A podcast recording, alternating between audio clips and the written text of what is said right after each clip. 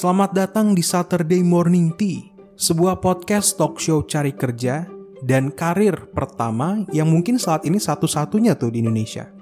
Di setiap episode, ada satu pencari kerja yang akan berbagi hashtag cerita kerjanya yang berisi masalah dan kegalauan karirnya. Kemudian, di akhir episode, kita akan tahu solusi yang paling tepat. Cerita kerja ini dibahas dalam format konsultasi bersama seorang konsultan rekrutmen profesional, yaitu orang yang jasanya dipakai oleh HRD dan CEO berbagai perusahaan untuk menemukan karyawan baru mereka yang makanannya sehari-hari adalah membantu para pencari kerja untuk membuat CV atau resume supaya peluang panggilan interviewnya bisa lebih besar, melatih mereka menjawab interview, membantu negosiasi gaji ke HRD, dan menemukan karir pan yang tepat. Selamat menikmati.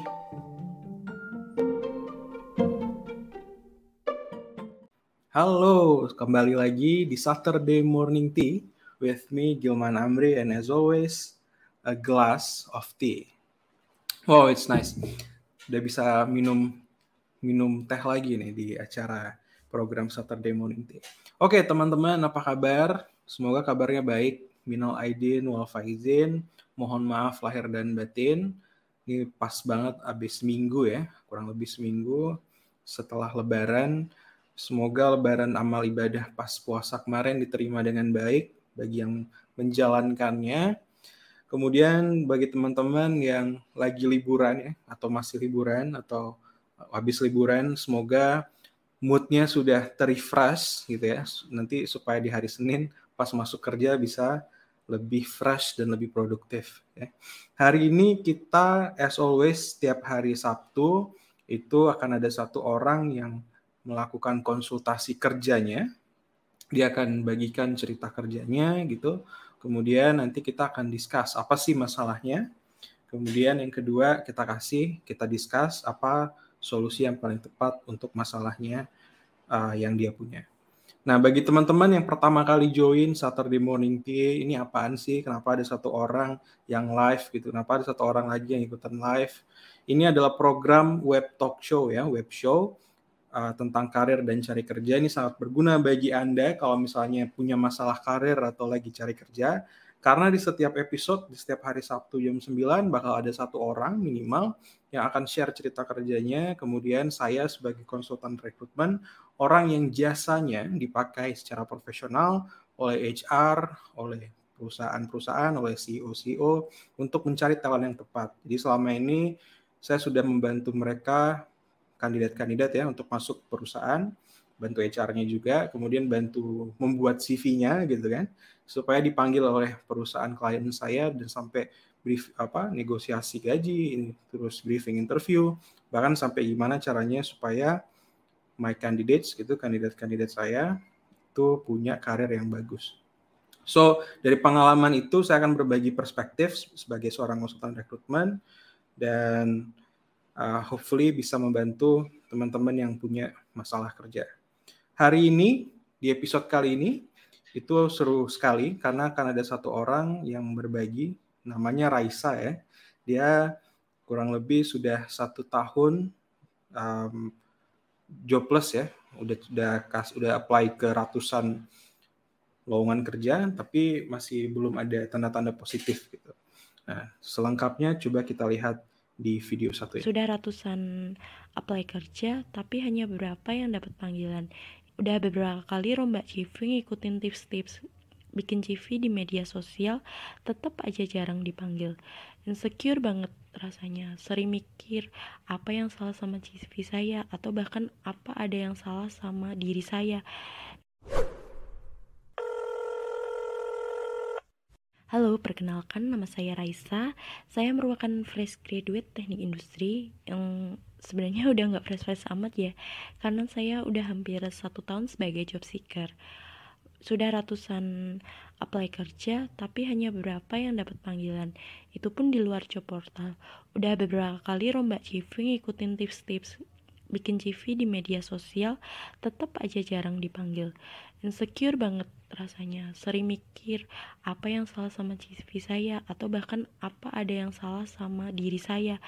Itu alasan saya ingin CV saya direview sama Mas Gilman.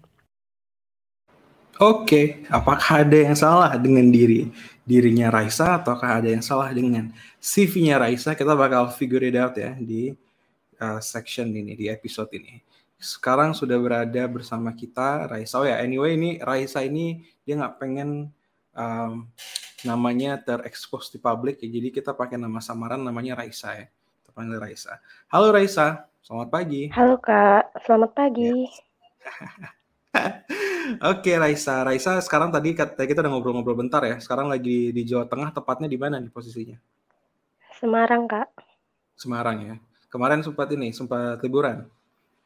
Iya. Rame nggak di Semarang? Rame banget, macet. Orang-orang macet ya. Sama sih, di mana-mana pasti macet sih. Tapi untungnya ini ya bisa nggak ada lancar-lancar liburan ya, nggak ada hal-hal yang uh, apa namanya hal-hal yang ribet gitu selama liburan? Iya nggak ada. Man siap. Oke Raisa kita um, kita akan coba review CV-nya Raisa, kemudian kita bakal lihat satu contoh lowongan kerja ya yang Raisa coba apply. Tapi sebelumnya tadi benar itu udah sudah lebih dari ratusan ratusan si apa lowongan kerja yang di-apply. Itu di-apply-nya di mana aja?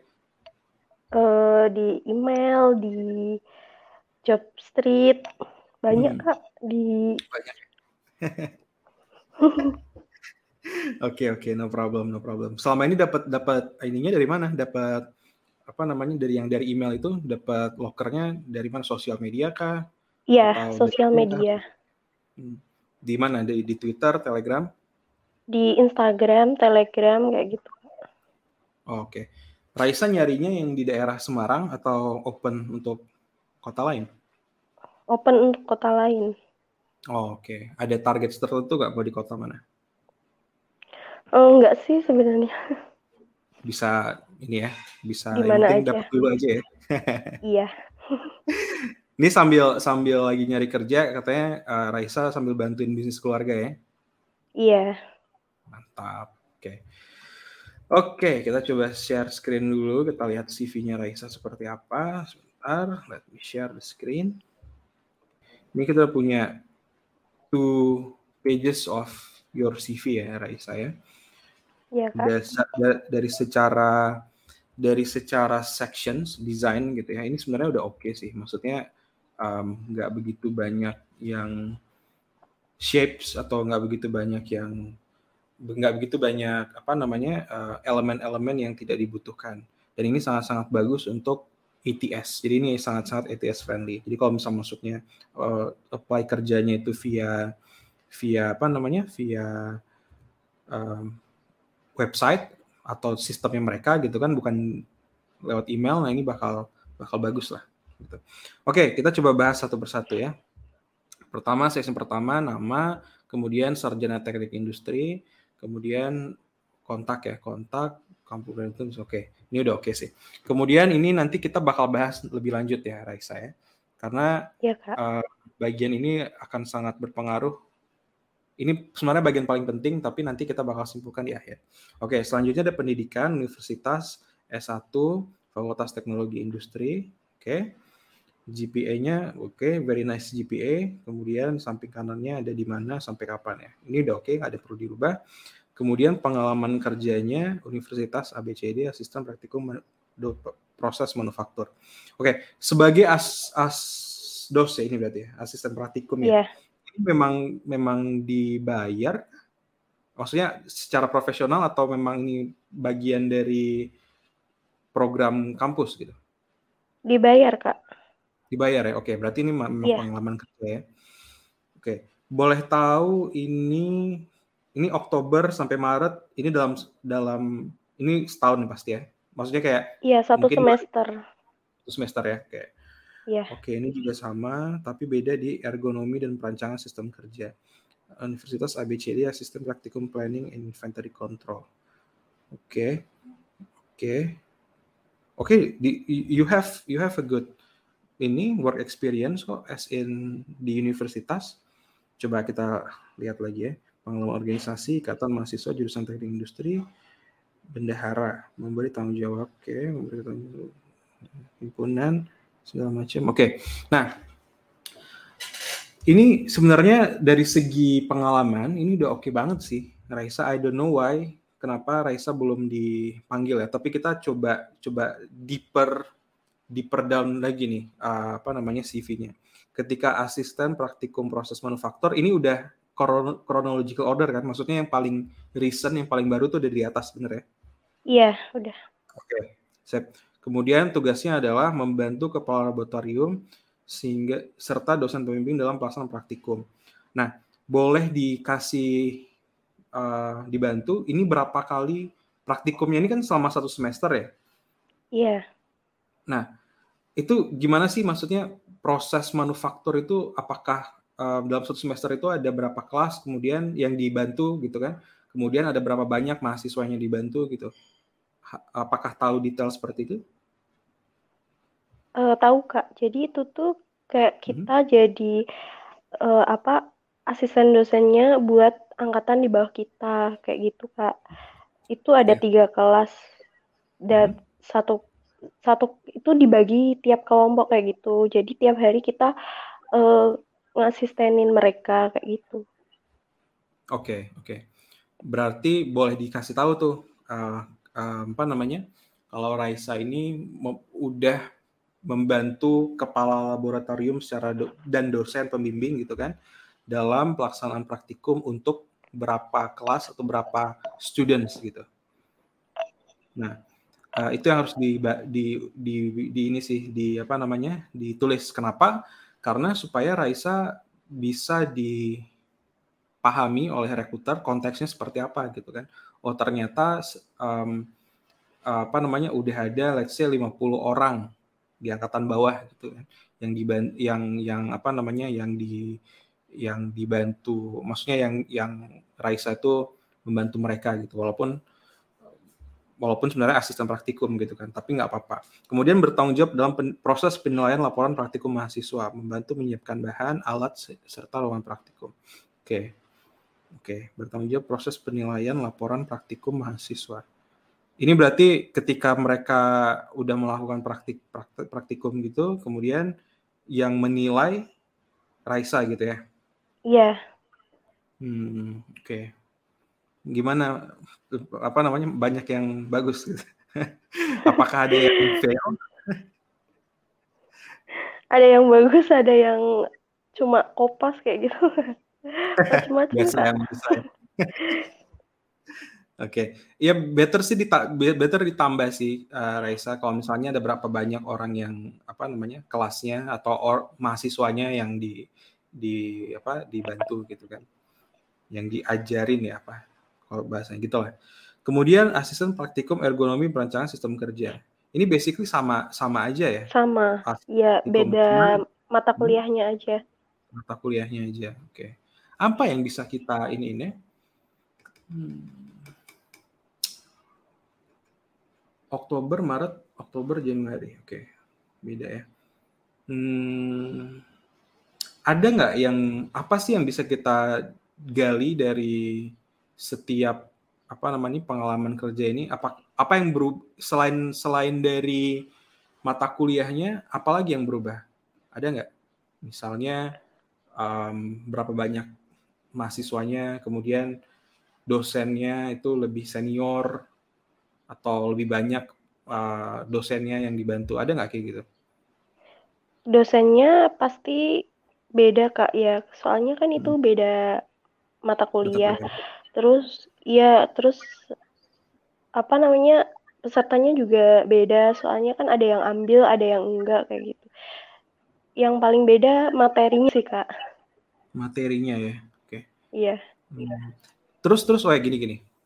Pertama-tama Raisa bisa kasih tahu misalnya uh, tadi kan mahasiswanya beda pasti kan. Tapi kita kasih tahu Iya. jumlahnya. Misalnya 30 30 orang atau berapa banyak orang selama enam bulan gitu. Itu udah oke ya dimasukin aja di 60 dalam 60 orang.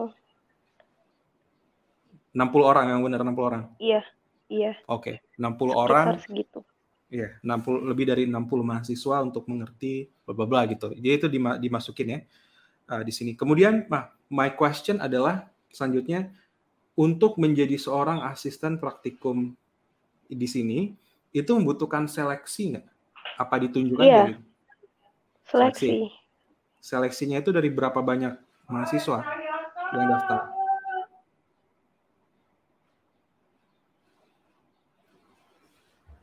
Gimana, Kak? Ketika diseleksi itu berapa banyak yang mendaftar untuk si asisten praktikum ini?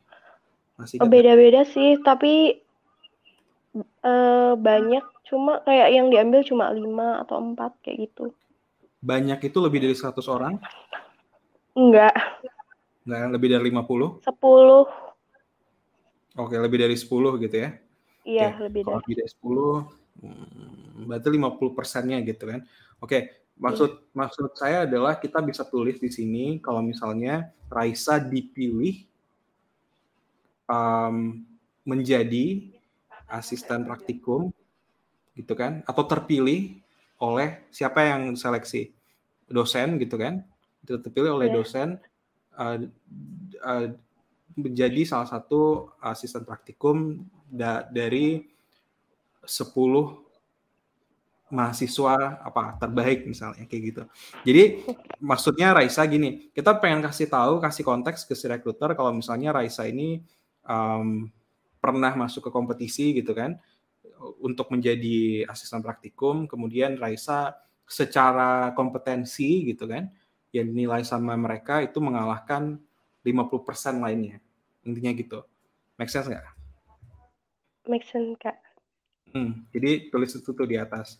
Karena kan nggak semua orang bisa menjadi asisten praktikum kan.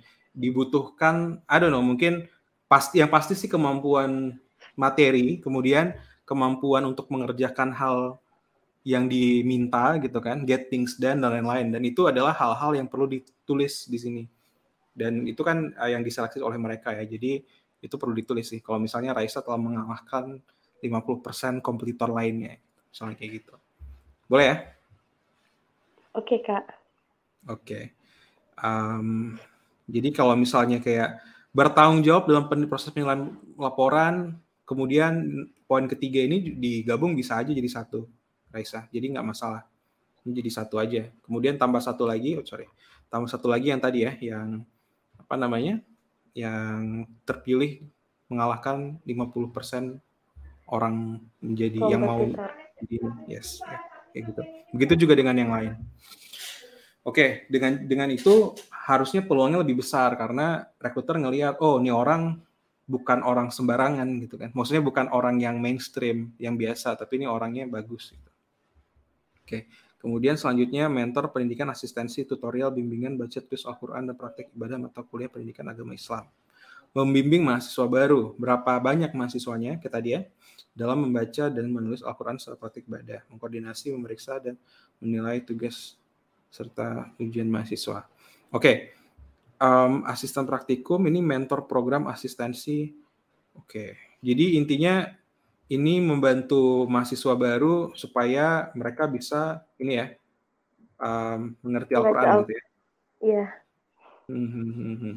Oke, kalau misalnya ini oke, tapi kita harus nanti riset lagi ya, case by case. Kalau misalnya di lowongan kerjanya kira-kira ini tidak relevan, maka kita tidak perlu kasih lihat. Tapi kalau misalnya relevan, kita wajib kasih, kita wajib tulis di dalam CV gitu ya. Nanti kita bakal bahas lagi di ini, di apa namanya, ketika kita lihat lowongan kerjanya.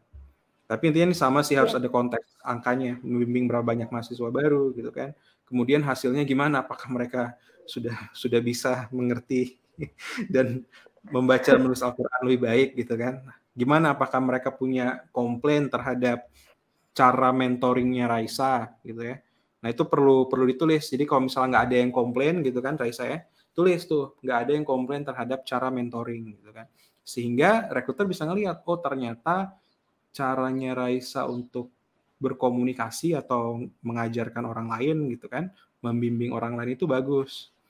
Karena hasilnya bagus gitu kan dan akhirnya mereka pun tidak ada yang komplain dengan terhadap cara mengajarnya gitu mereka suka-suka aja gitu sih itu yang harus di kita gali kita tajamin lagi di situ gimana menurut Raisa? Oke kak. Oke ya. Oke. Oke ini hmm, kita coba lihat lagi.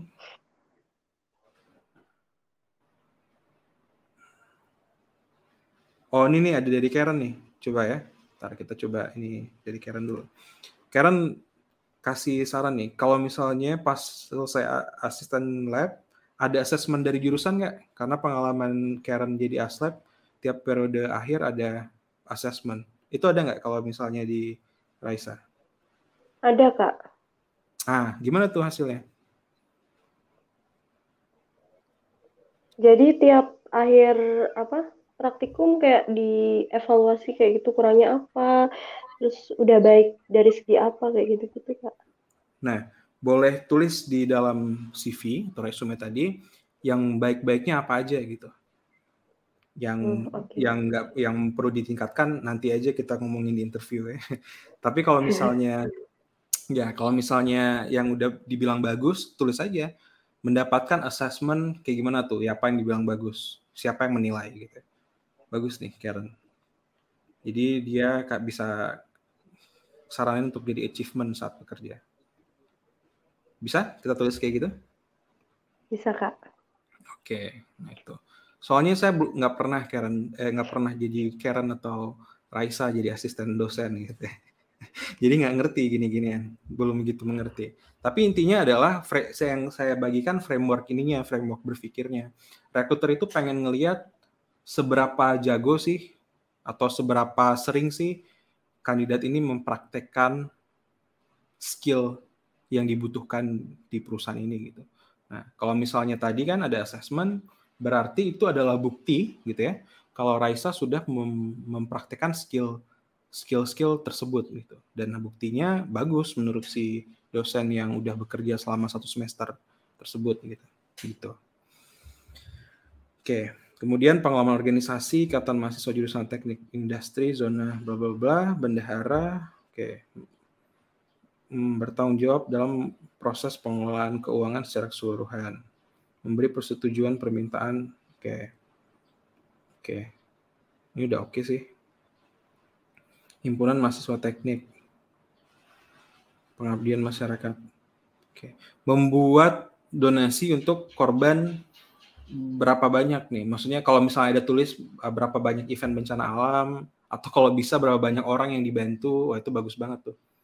Karena um, karena balik lagi ya prinsip awalnya kalau ada numbers, ada angka tuh bakal lebih bagus supaya rekruter tahu oh ternyata um, orang ini profil ini tuh udah buat donasi untuk lebih dari seribu korban bencana alam misalnya atau buat tiga event untuk berkaitan dengan masyarakat. Jadi rekruter ngelihat kalau misalnya Raisa ini adalah orang yang punya empati yang tinggi gitu kan. Dan punya compassion yang tinggi gitu. Kemudian praktek lapangan kerja. Wah, ini lebih bagus nih. Mengenal lingkungan perusahaan kerja, produksi, membuat oke. Okay. Oke. Okay. Hmm. Kalau bisa praktek praktek lapangan kerja ini ditaruh di atas ya sebelum pengalaman organisasi itu oh, bakal iya, lebih bagus. Hmm, karena menja bekerja dengan kuliah itu adalah dua hal yang berbeda gitu kan. Dan semakin banyak skill yang kita pakai untuk bekerja, harusnya itu jadi prioritas, jadi di atas gitu. Ngapain aja nih waktu di PLTU FGH mengenal lingkungan perusahaan, membantu staff. Ini gimana? Boleh cerita sedikit? Uh, di sana cuma kayak uh, disuruh merhatiin kayak gitu kak makanya kadang saya bingung di situ tuh nulisnya apa cuma satu bulan kan ini memang ini kita harus kasih awareness ini ke orang lain yang lebih banyak nih karena masa PKL karena cuma mentang-mentang disuruh PKL jadinya kita nggak kasih kontribusi yang nyata gitu kan iya. jadi cuma di, cuma diminta untuk perhatiin aja gitu apakah ada apa ya terus kayak ada hmm. mempelajari kayak gitu-gitu terus di akhir suruh hmm. presentasiin kayak gitu pak oke oke oke oke oke eh, ya udahlah berarti ini kita bisa tulis juga nggak apa-apa setidaknya rekruter bisa tahu kalau misalnya profil ini adalah profil yang sudah mengerti secara knowledge gitu ya secara ilmu praktek langsung gimana gitu walaupun belum ditugaskan di project-project tertentu. Kalau misalnya di textile industry ini juga sama, apakah ada lebih lebih bagus tanggung apa namanya kontribusinya atau kerjaannya gitu? Sama, sama aja. Sama aja ya? Iya. Persentase Tapi produk cacat dan lebih hmm. lebih mending yang kedua kita suruh ngolah data kayak gitu pak.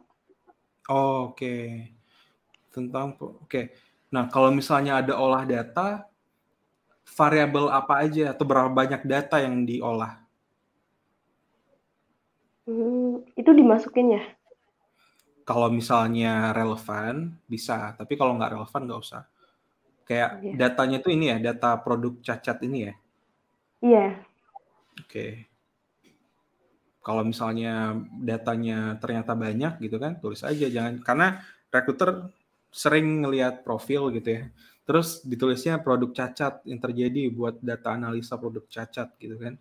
Ternyata produk cacatnya cuma misalnya berapa 20, 25 gitu gitu kan. Jadinya um, gimana ya? Ada perbedaan antara analisa data yang banyak dengan analisa data yang sedikit. Tapi bisa jadi data sedikit itu variabelnya banyak, gitu. ngerti kan? Jadi kita ngomong A, ya. belum tentu A itu adalah hal yang luar biasa bisa jadi hal A itu adalah hal yang luar biasa tapi kita nggak kasih tahu gimana esensinya atau kenapa itu jadi luar biasa. Nah tugas kita sebagai nah mindsetnya adalah tugas kita sebagai job seeker ya itu kasih tahu kenapa kita luar biasa di dalam profil ini. Nah, kalau di dalam profil ini sebenarnya yang saya lihat ya Raisa ini adalah kandidat yang stand out gitu dibandingkan yang lain tapi kita belum bisa menajamkan itu. Selama ini belum ditajamkan. Apa sih yang membuat luar biasanya? Konteksnya seperti apa sih? Kalau misalnya kita bisa memberikan konteksnya di dalam profil ini, saya rasa peluangnya bakal lebih besar. gitu. Jadi kalau misalnya mau dan bisa gitu kan, tulis aja gimana produknya, uh, berapa banyak gitu produknya, angkanya sih, numbersnya. Terus HTA dan FTA ini, saya kalau misalnya dia memang sering melakukannya, rekruternya memang familiar dengan ini sih oke okay ya, tapi kalau misalnya mereka tidak familiar, mending ditulis tanda-tanda kurung apa gitu. Iya. Gitu. Oke. Okay. Kemudian pelatihannya banyak banget nih. Python data analysis, Python for data science. Oke. Okay. Very nice. Excel for advanced online course by digital. Oke. Okay. Banyak banget ya. Dan beda-beda maksudnya beragam gitu ya. Ada data analisis, ada digital marketing, kemudian Excel masuk ke sini, AutoCAD. Oke. Nah, eh, nanti kalau misalnya ini baik lagi tergantung dari ini ya, tergantung dari lowongan kerjanya. Kalau lowongan kerjanya itu relevan, tertulis. Tapi kalau enggak, enggak perlu sih. Pengalaman kepanitiaan dan volunteer, KPPS pemilihan bupati, oke. Olahraga DF perlombaan prestasi juara tiga competition design. Ini gimana nih maksudnya competition design ini? Uh, jadi ada lomba desain itu saya ikut terus juara kak. Tapi emang tim sih tim. Oh nggak apa-apa. Desainnya ini desain apa? Desain grafis gitu? Enggak, desain alat. Desain apa? Desain alat. Itu di kampus? Iya. Oh, Oke, okay. sip. Kalau misalnya relevan tulis, tapi kalau enggak, enggak perlu ya. Kemudian kita jam dulu soft skill, analytical thinking, critical thinking, leadership. Oke, okay, oke. Okay. Hard skill, hard skill, production planning, inventory control. Oke, okay, bahasa Inggris maksudnya. Oke, okay. secara penulisan sih udah oke. Okay. Tapi gini, kita bakal sesuaikan dengan keyword yang diminta di lowongan kerja. Nanti kita bakal bahas lebih lanjut. Kemudian selanjutnya adalah kita juga harus kasih bukti analytical thinking apa buktinya di uh, di pengalaman kerja atau di uh, apa pengalaman lainnya gitu mungkin organisasi atau apa kita harus kasih bukti analytical thinking apa critical thinking apa atau hasilnya kalau misalnya kita sudah mempraktekkan analytical thinking gitu leadership kalau leadership kan berarti Raisa udah memimpin tiga orang misalnya ketika jadi bendahara gitu ya. Nah itu bagian dari leadership atau koordinasi dengan orang ini supaya proyeknya lancar, secara finance-nya lancar gitu. Nah, itu bagian dari leadership gitu. Jadi intinya kita harus kasih bukti dari setiap soft skill soft skill ini gitu. Kalau misalnya hard skills ini no problem sih, kita sesuaikan aja. Apakah ada pertanyaan, Reza? Uh, kalau misal di pengalaman kerja kan kadang kita nggak relevan sama uh, lamaran yang mau dilamar kan kak itu yes. harus ditampilin nggak sih kak misal kita misal, punya ya. pengalaman ya. di marketing tapi mau daftar di apa ya PPIC misal kayak gitu itu ditampilin nggak kak kalau misalnya pengalaman kerja untuk fresh graduate itu tampilkan saja kenapa hmm. karena kalau fresh graduate itu semakin lama dia kan baru sedikit kerjanya ya jadi yang yang dilihat sama rekruter itu adalah orang ini udah bisa kerja gitu. As in kerja di dalam perusahaan. Kalau misalnya um, kalau misalnya walaupun memang dia marketing bukan PPIC nggak apa-apa sih tulis aja. Ya. Gitu. Okay. Yang dilihat kemudian yang kedua yang dilihat Raisa adalah ininya skill yang dipakai gitu. Walaupun di dalam marketing memang lebih banyak tentang uh, ya digital marketing, social media, ads, ap apa pun copywriting gitu kan. Tapi ada skill-skill lain yang bisa ditonjolkan. Jadi misalnya nih pengalaman kerjanya Raisa di satu tempat sebagai digital marketer gitu kan. Tapi PPIC ini kan salah satu tugas PPIC kan koordinasi dengan orang misalnya gitu ya, yang paling simpel ya. Nah, maka yang ditulis di dalam bullet point di pengalaman kerja sebagai digital marketer itu salah satunya adalah berkoordinasi misalnya dengan tim apa, tim apa untuk mencapai deadline. Deadline-nya apa, targetnya apa gitu. Nah, jadi itu yang ditulis sehingga rekruter bisa tahu kalau misalnya Raisa mempunyai atau pernah mempraktekkan skill koordinasi dengan baik dan hasilnya bagus. Kemudian yang kedua, target oriented gitu kan. Skill target atau mindset target oriented. Ketika sebagai digital marketer punya target sekian, kemudian mencapai misalnya gitu.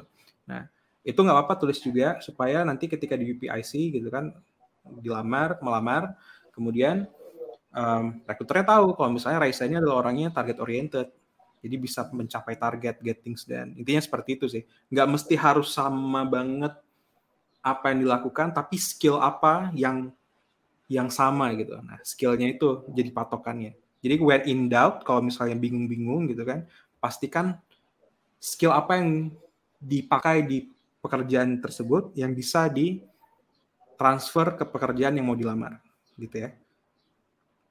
Oke kak. Clear ya harusnya ya? Yeah. siap. Any other question? Uh, belum. Belum ya? Siap. Nah kalau gitu nanti di sini bakal diubah nih um, oke okay. merupakan fresh graduate teknik industri Universitas ABCD mengalami pengalaman kerja sebagai asisten dosen dua tahun Oke, berbagai organisasi, tulis saja lebih dari 12 organisasi gitu sebagai mata kuliah selama apa selama saya kuliah. So, oke. Okay. Nanti kita bakal balik lagi ke sini. Kita kita coba lihat lagi di sini ya di BPIC staff ini salah satu contoh. Ini udah pernah di apply atau mau di apply? Udah pernah. Oh, udah pernah di apply, cuman belum masuk ya waktu itu ya? Iya. Oke. Okay.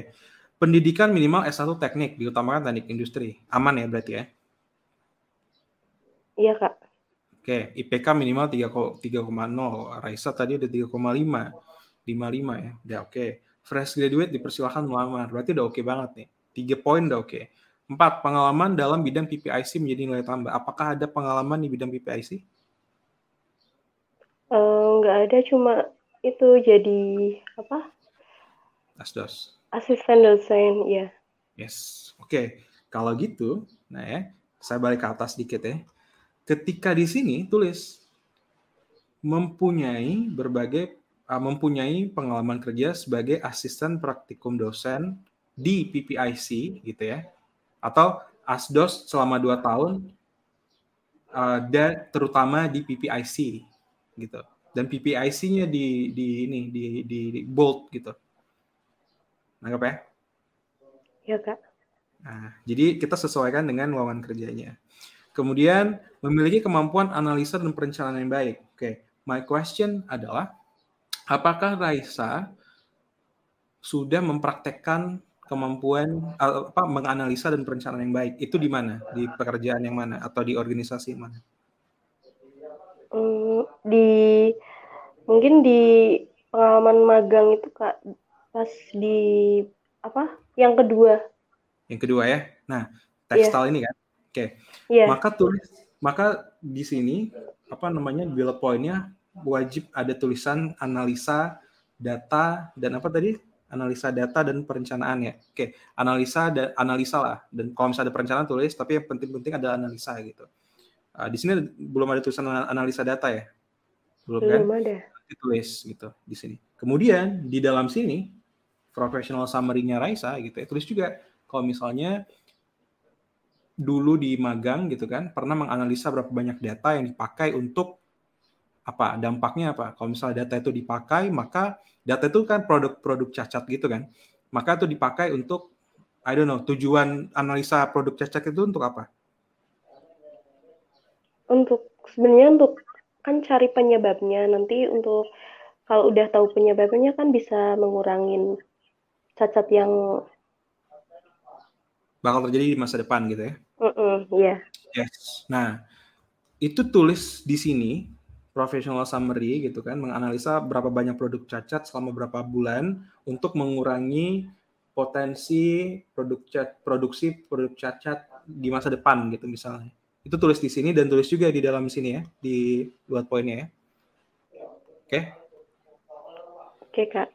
Ada kebingungan? Kayak saya merasa ada ada ada kebingungan di sini. Enggak ada? Aman? Aman. Aman ya, oke. Kalau misalnya ada bingung langsung nanya aja ya.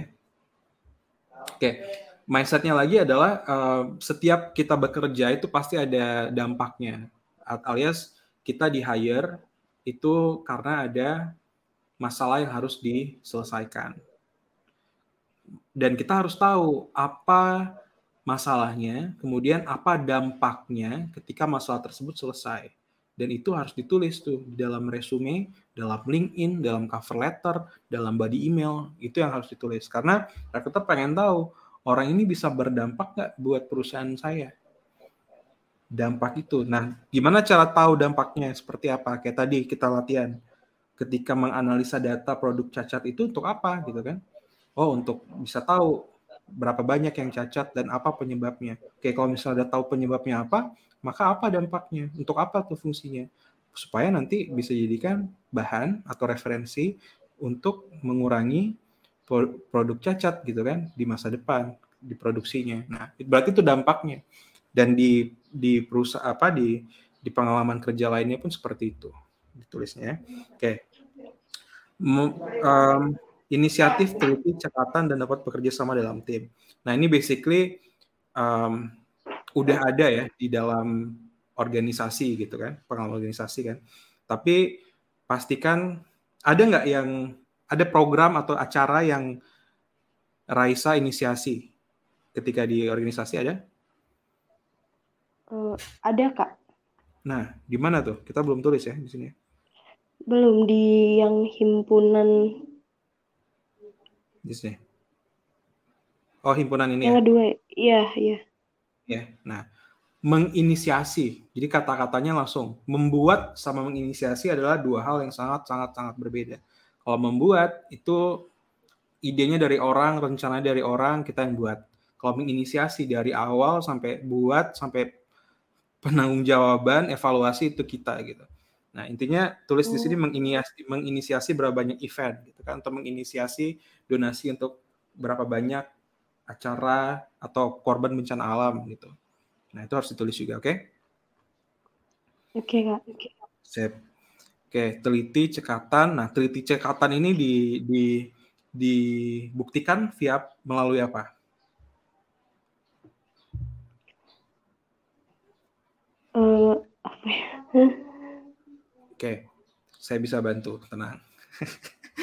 teliti cekatan ini buktikan dengan pengalamannya Raisa di uh, pertama adalah di bendahara. kenapa Raisa jadi bendahara? Oh, iya. Karena Raisa adalah orang yang teliti dan cekatan. Kalau tidak bisa teliti, bisa kacau itu acara-acara, ya nggak? gitu. Jadi pastikan kalau misalnya di sini ya, di mana jadi bendahara tadi? Uh, di sini ya, bendahara kan, lama juga nih kayaknya nih. Ketika bendahara nih tulis apakah ada, I don't know, yang berkaitan dengan ketelitian atau apakah ada misbalance gitu, nggak balance atau atau apa gitu. Nah itu tulis tuh. Karena kalau misalnya let's say yang keluarnya um, 10 juta tapi tulis yang ditulis dicatat di buku ternyata cuma 8 juta gitu kan. Berarti nggak balance kan. Tapi kalau misalnya kita tulis di sini memberi persetujuan permintaan pengeluaran dana organisasi dan sesuai berjalan dengan sesuai rencana aja tulisnya kayak gitu gitu atau sesuai dengan laporan apa laporan keuangan atau laporan apa keuangan. gitu ya. ya. Nah, tulisnya kayak gitu. Jadi itu bukti kalau misalnya Raisa adalah orang yang cekatan dan teliti. Karena kalau misalnya tanpa skill itu ya nggak mungkin hasil tadi itu nggak mungkin tercapai gitu kan. Untuk bisa mencapai hasil tadi nggak balance apa harus balance dan sesuai dengan rencana itu mempunyai membutuhkan skill ketelitian yang baik dan cekatan yang baik. Gitu ya dan kalau misalnya di assessment juga ada tulisannya cekatan inisiatif teliti gitu kan assessment asdos tadi tulis juga tuh karena itu sangat-sangat berpengaruh. Kemudian bekerja sama dalam tim. Nah ketika bekerja sama dalam tim ini harus tulis. Ah, bekerja sama dalam tim bisa tuh bisa jadi kalau misalnya ada assessment asdos tuh di asdos itu ada yang mem, menyinggung ya atau menuliskan tentang gimana caranya komunikasinya gitu kan dengan si asdosnya eh dengan si dosennya maka itu bagus tuh karena kan bekerja sama dalam tim itu bukan cuma leading tapi juga leaded gitu being lead gitu kan menjadi orang yang memimpin atau dipimpin gitu tulis nih kalau misalnya di sini berarti kalau, kalau misalnya di organisasi ada tim nggak yang dipimpin Raisa? Uh, ada kak. Nah, nanti tulis ya kayak tadi ya berapa banyak tim yang dipimpin, kemudian orangnya kalau misalnya ada tim yang dipimpin tulis, tapi kalau misalnya nggak ada tim yang dipimpin orangnya itu berapa banyak yang dipimpin. Gitu. Kemudian jangan pas kemudian pastikan juga di situ ada hasilnya gitu. Kayak tadi hasilnya kayak kayak tadi balance, nggak ada yang apa, nggak ada yang uh, balance atau apa namanya tadi di as, jadi asdos itu mereka atau Raisa punya assessment yang bagus gitu kan. Data analisanya tuh diterima misalnya. Itu kan hasil-hasil. Terakhir adalah penempatan di Sragen Jawa Tengah. Oke, nanti di kalau misalnya tulisan kayak gini, ini opsional sih, trik ya. Bukan hal yang wajib tapi trik. Nanti tulis di sini nih, di, di sini, bisa di sini, bisa di akhir, tapi bagusnya di sini sih. Terus di sini dalam tanda kurung bersedia ditempatkan di Sragen. Gitu. Oke, Kak. Oke. Gitu sih. Selama ini Raisa mem, mem, melamar itu memakai satu CV untuk satu lowongan kerja atau satu CV untuk seluruh lowongan kerja? Hmm, satu CV untuk seluruh, tapi kadang aku gonta-ganti, Kak. Ya. Oke. Jadi intinya kalau misalnya peluangnya mau lebih besar ya, satu CV untuk satu lowongan kerja. Karena hmm. bisa jadi walaupun perusahaannya itu berbagai perusahaan nyari PPRC staff ya, tapi kan kita udah latihan tadi kan, iya. setiap perusahaan bisa jadi mem mem memprioritaskan skill yang lain atau skill yang beda gitu. Nah, dengan cara tadi, kerangka berpikir tadi dan latihan tadi, itu Raisa bisa mengadjust atau mengcustom satu CV untuk satu lowongan kerja. Gitu. Oke? Okay? Oke, okay, Kak. Ya, jadi nggak usah tulis lagi kalau misalnya tertarik memiliki karir di bidang warehouse, bla bla bla bla bla gitu kan. Ini nggak perlu nih. Ini adalah hal yang mubazir kalau kita tulis di dalam CV. Karena ya bisa aja sih ditulis, cuman tidak memberikan value apa pun untuk si recruiter gitu. Atau value yang lebih penting untuk si recruiter gitu kan. Karena recruiter kan pengen mendapatkan profil yang paling cocok ya bukan paling bagus, tapi paling cocok. Nah, um, harusnya tulis hal-hal yang membuat profil ini menjadi profil yang paling cocok. Gitu. Caranya kayak tadi. Gitu. Oke, okay. is there any question?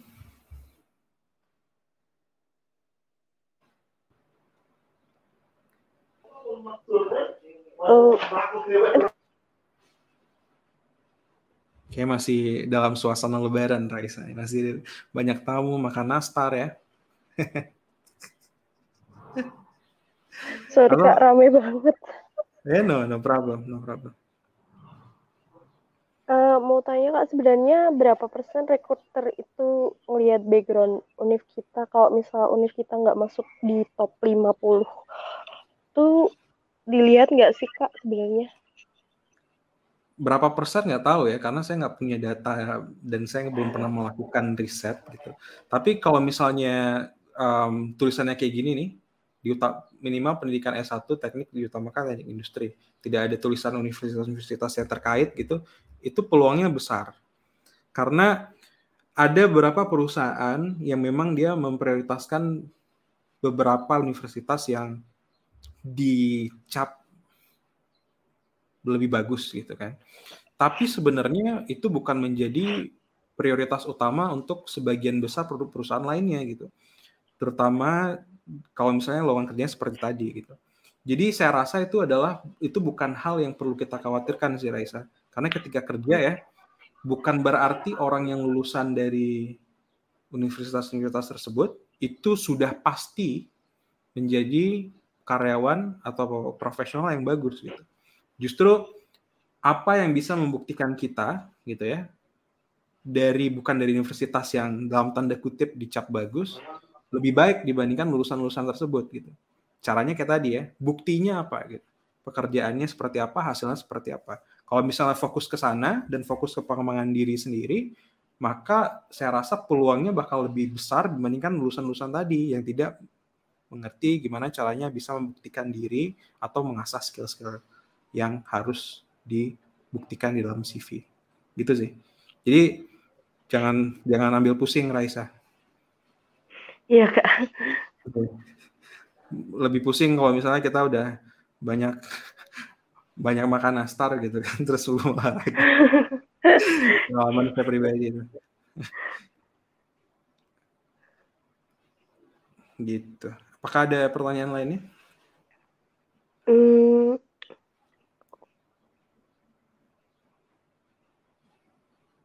Kak, kalau misal di interview gitu kan kadang ditanyakan hmm. uh, apa kelebihan sama kekurangan kita. Tapi kan kita kadang jawabnya kayak template gitu lah. Sebenarnya itu yang baik tuh gimana sih kak? Kekurangan dan kelebihan ya. Nah, kalau misalnya ditanya seperti itu, kita harus tahu dulu sebelum masuk interview list apa aja kira-kira kelebihan yang bakal di value, bakal bermanfaat untuk posisi di perusahaan tersebut. Kemudian kita bilang misalnya kelebihan saya adalah coba kita coba profilnya Raisa ya. Kelebihan saya adalah bisa menganalisa data dengan akurat gitu misalnya kayak gitu. Pertama.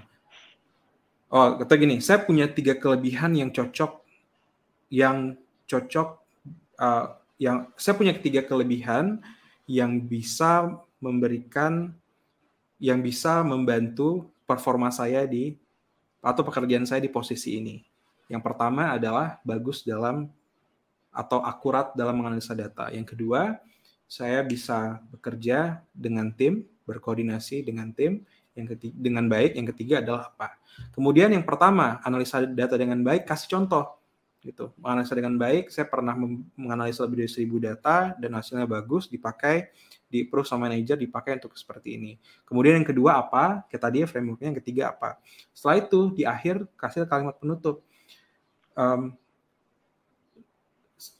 saya berharap ketiga kelebih ketiga kelebihan ini gitu kan, tiga kelebihan ini bisa bisa menjadi apa bisa membantu performa. Balik lagi di awal pembukaan tadi bisa membantu pekerjaan di posisi ini dan level dari level dari skill ini bisa bisa bertambah karena bekerja di sini itu jadi per strukturnya seperti tadi, kasih kasih jawabannya, kasih apa aja kelebihannya di awal gitu kan. Kemudian breakdown masing-masing seperti apa, buktinya apa. Ketiga, fokusnya adalah kita bisa bantu perusahaan dengan kelebihan ini, dengan bukti tadi, kemudian harapannya juga kita bisa lebih berkembang karena bekerja di sini.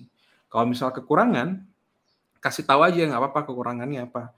Jangan klise, jangan begitu klise misalnya saya adalah yeah. perfeksionis gitu kan. Bukan masalah gini kalau misalnya tanya kelebihan kekurangan itu rekruter pengen tahu apakah pertama orang ini mengerti dengan dirinya sendiri, punya self awareness. Karena kalau misalnya dia tidak mengerti dirinya sendiri, gimana cara dia bisa mengerti mengerjakan perusahaan uh, pekerjaan perusahaan gitu kan? Atau dengan baik ya? Karena ya kita sebagai profesional harus tahu kelebihan kita apa, kekurangan kita sehingga kita mem-hire tim untuk bisa menutupi atau bisa uh, mengcover our weaknesses gitu kan. Seperti sebenarnya seperti itu. Kalau misalnya ternyata Raisa punya sesuatu yang pernah belum pernah dipraktekkan gitu kan, skill yang belum pernah dipraktekkan atau ternyata selama ini beberapa orang uh, mempoint out kalau misalnya kekurangan tersebut adalah itu gitu ya, tuh kasih tahu aja nggak apa-apa. Yang penting adalah um, Raisa kasih tahu apa yang Raisa bisa lakukan untuk bisa overcome those weaknesses. Misalnya apa ya? Saya saya masih belum, nah kata-kata itu bagus tuh. Saya masih belum bisa be, berbicara di depan publik yang banyak. Cara saya, namun cara saya untuk menanggulanginya atau mengovercome-nya adalah saya mengikuti kelas atau mengikuti komunitas public speaking bahasa Inggris di Jakarta yang diadakan selama seminggu sekali di weekend. Dan hopefully itu bisa membantu saya untuk bisa lebih bagus dalam public speaking. Gitu. Yang kedua, weakness-nya apa? Kayak tadi lagi. Jadi strukturnya seperti itu ya. Dan secara esensi jangan sampai klise. gitu. Nangkap ya? Make sense kan? Nangkap, Kak. Iya. Oke. Okay. Oke, jadi nanti dari si CV-nya tadi, resumenya tadi itu diubah dulu gitu ya. Kemudian pastikan uh, carinya kayak tadi yang bisa fresh grade lamar gitu kan, fresh grade apply. Nanti di adjust, di custom setiap CV, setiap lowongan kerja. Kemudian let me know nanti gimana hasilnya, apakah lebih bagus peluangnya Kemudian kalau misalnya ternyata belum begitu bagus, berarti ada masalah yang lain gitu kan. Ini kita mengasumsikan masalahnya adalah di CV. Tapi yeah. hopefully beneran masalah di CV gitu ya. Kemudian um, dengan solusi tadi bisa ter, ter, terjawab sih. Gitu. Habis ini Raisa, Raisa akan dimasukkan ke dalam satu grup yang isinya adalah orang-orang yang peduli dengan karirnya gitu ya. Orang-orang kayak Raisa. Nanti kalau misalnya Raisa punya further question atau follow up question, pertanyaan-pertanyaan lainnya gitu berkaitan dengan kerja, CV, interview gitu kan. Itu feel free untuk tanya di grup atau japri kalau misalnya ternyata memang personal. Oke okay, ya? Oke, okay, Kak. Oke. Okay, Terima kasih okay. banyak, Kak. Sama-sama, Raisa. Semoga um, bisa lebih cepat mendapatkan kerja dan sesuai dengan karir plannya. Amin. Oke deh, kalau kayak gitu. Sampai jumpa lagi Raisa. Thank you so much ya. Thank you Kak. Oke, okay, bye-bye. Oke, okay, itu dia Raisa ya. Biasa dia nyanyi. Kayaknya dia mau masuk festival. Nanti di Bandung ntar lagi ada festival. Anyway, teman-teman yang ikut siapa nih? Mana tahu kita bisa jumpa. Anyway, itulah Raisa tadi. Dia punya masalah di CV-nya gitu ya. Um, basically frameworknya itu sama. Kalau misalnya CV itu harus di-adjust, di-custom setiap satu lowongan kerja, dan kita harus kasih bukti ya. Bukan janji ya. Jangan seperti politisi-politisi yang ada kebanyakan di luar sana. Gitu. Intinya yang selalu saya bagikan di sosial media dari pengalaman saya adalah pertama show don't tell. Kasih tahu buktinya apa, jangan cuman klaim kan claiming tapi showing. Yang kedua adalah mindsetnya fokus ke yang bisa dikontrol. Yang tidak bisa dikontrol just let it go gitu biarin aja. Kalau nggak nanti stres sendiri pusing sendiri. Setelah itu adalah kita harus kita juga harus bisa um, ini ya tahu strateginya yang tepat kemudian tipsnya yang tepat dan pastikan juga kalau misalnya di kerja itu kita nggak entitled untuk dapat kerja. Kalau kerja itu memang kita harus solve the problem that's why mereka mau membayar kita sebagai profesional supaya problem itu selesai gitu. Atau problem itu ter, uh, ter problem itu bisa bukan bisa hilang ya tapi bisa dikerjakan. Karena problem itu nggak mesti sesuatu yang kerjakan terus hilang tapi bisa terus dilakukan gitu. Itulah um, mindsetnya dalam bekerja. So kalau misalnya teman-teman di sini mau di review juga CV-nya gitu kan atau kalau misalnya teman-teman juga mau untuk diundang konsultasi seperti Raisa tadi gitu ya atau mungkin ada Afgan lainnya gitu kan atau ada Tulus silahkan daftar di www.gilmanamri.id. Nanti tim saya akan seleksi gitu kan mana problem yang paling seru ya, kasus paling seru, cerita paling seru, masalah paling seru dan yang paling urgent nanti kita akan hubungi kemudian kita akan undang seperti Raisa. Dan eh, kayak tadi juga bakal ada bakal dimasukin dalam satu grup yang isinya adalah orang-orang yang peduli dengan karirnya sehingga kita bisa sama-sama punya support system yang bagus. Jangan lupa juga teman-teman ini banyak yang nonton ya, tapi uh, masih belum subscribe, jadi silahkan subscribe karena kalau misalnya anda belum subscribe, you are making a big mistake. Karena di setiap hari Sabtu dan setiap hari Rabu kita bakal bahas everything about career and job search dan karir dan job search itu tidak akan berhenti sampai anda pensiun, betul? Betul, pasti betul. Kecuali Anda pensiun tahun depan atau dua tahun, tiga tahun lagi, maka ya it, it will be not relevant. Tapi kalau misalnya Anda masih baru, masih punya at least 10 tahun lagi, 5 tahun, 10 tahun lagi ke depan, please subscribe this channel ya atau follow atau uh, ya follow atau subscribe maka you will get the benefit of uh, careers, content about careers and job search. So, I think that's all untuk episode kali ini. Thank you so much nih. Wah, ada Pak Johan di sini. Keren Pak Gilman. Thank you so much Pak Johan. Ada oh ada masternya juga nih. Master Public Speaking. Di sini ada Pak Ikrar. Kalau misalnya saya ngomong kayak gini ya, ini malu nih saya sama Pak Ikrar nih. Banyak e, banyak apa, apa ya, apa namanya, Pak. Pak Ikrar ini dalam masternya. Saya saya belajar berguru dari Pak Ikrar. Kalau teman-teman mau belajar ya meningkatkan skill public speaking, MC, sales, nah langsung nih ke Pak Ikrar, MN Ikrar, langsung connect di LinkedIn. Beliau kasih, beliau udah 20 tahun sebagai sales, sebagai public speaker, beda lah. Pengalaman nggak bisa bohong. Kalau misalnya kata Pak Ikrar nggak bisa di-download gitu ya. Silahkan belajar sama, berguru sama beliau. Ada Pak Melvin juga di sini nih. Super Om Gilman. Beliau nih Pak Melvin satu salah satu suhu legal ya di di Indonesia ya. Jadi kalau misalnya mau konsultasi legal mungkin bisa nih sama Pak Pak Melvin nih sama Om Melvin. Thank you so much uh, udah pada nonton dari LinkedIn. Oke, okay, I think that's all untuk uh, episode kali ini.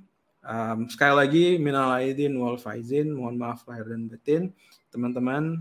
Uh, terima kasih sudah menonton, sudah uh, ikutan dari awal, kemudian sampai di sesi akhir gitu ya. Dan jangan lupa bentar lagi udah masuk kerja ya. Jadi liburannya semoga bisa kasih refresh uh, apa refreshingnya oke okay, gitu kan sehingga nanti cari kerjanya atau kerjanya sendiri pun bisa lebih produktif. I think that's all. Thank you so much. We'll I'll see you in next episode. Bye bye.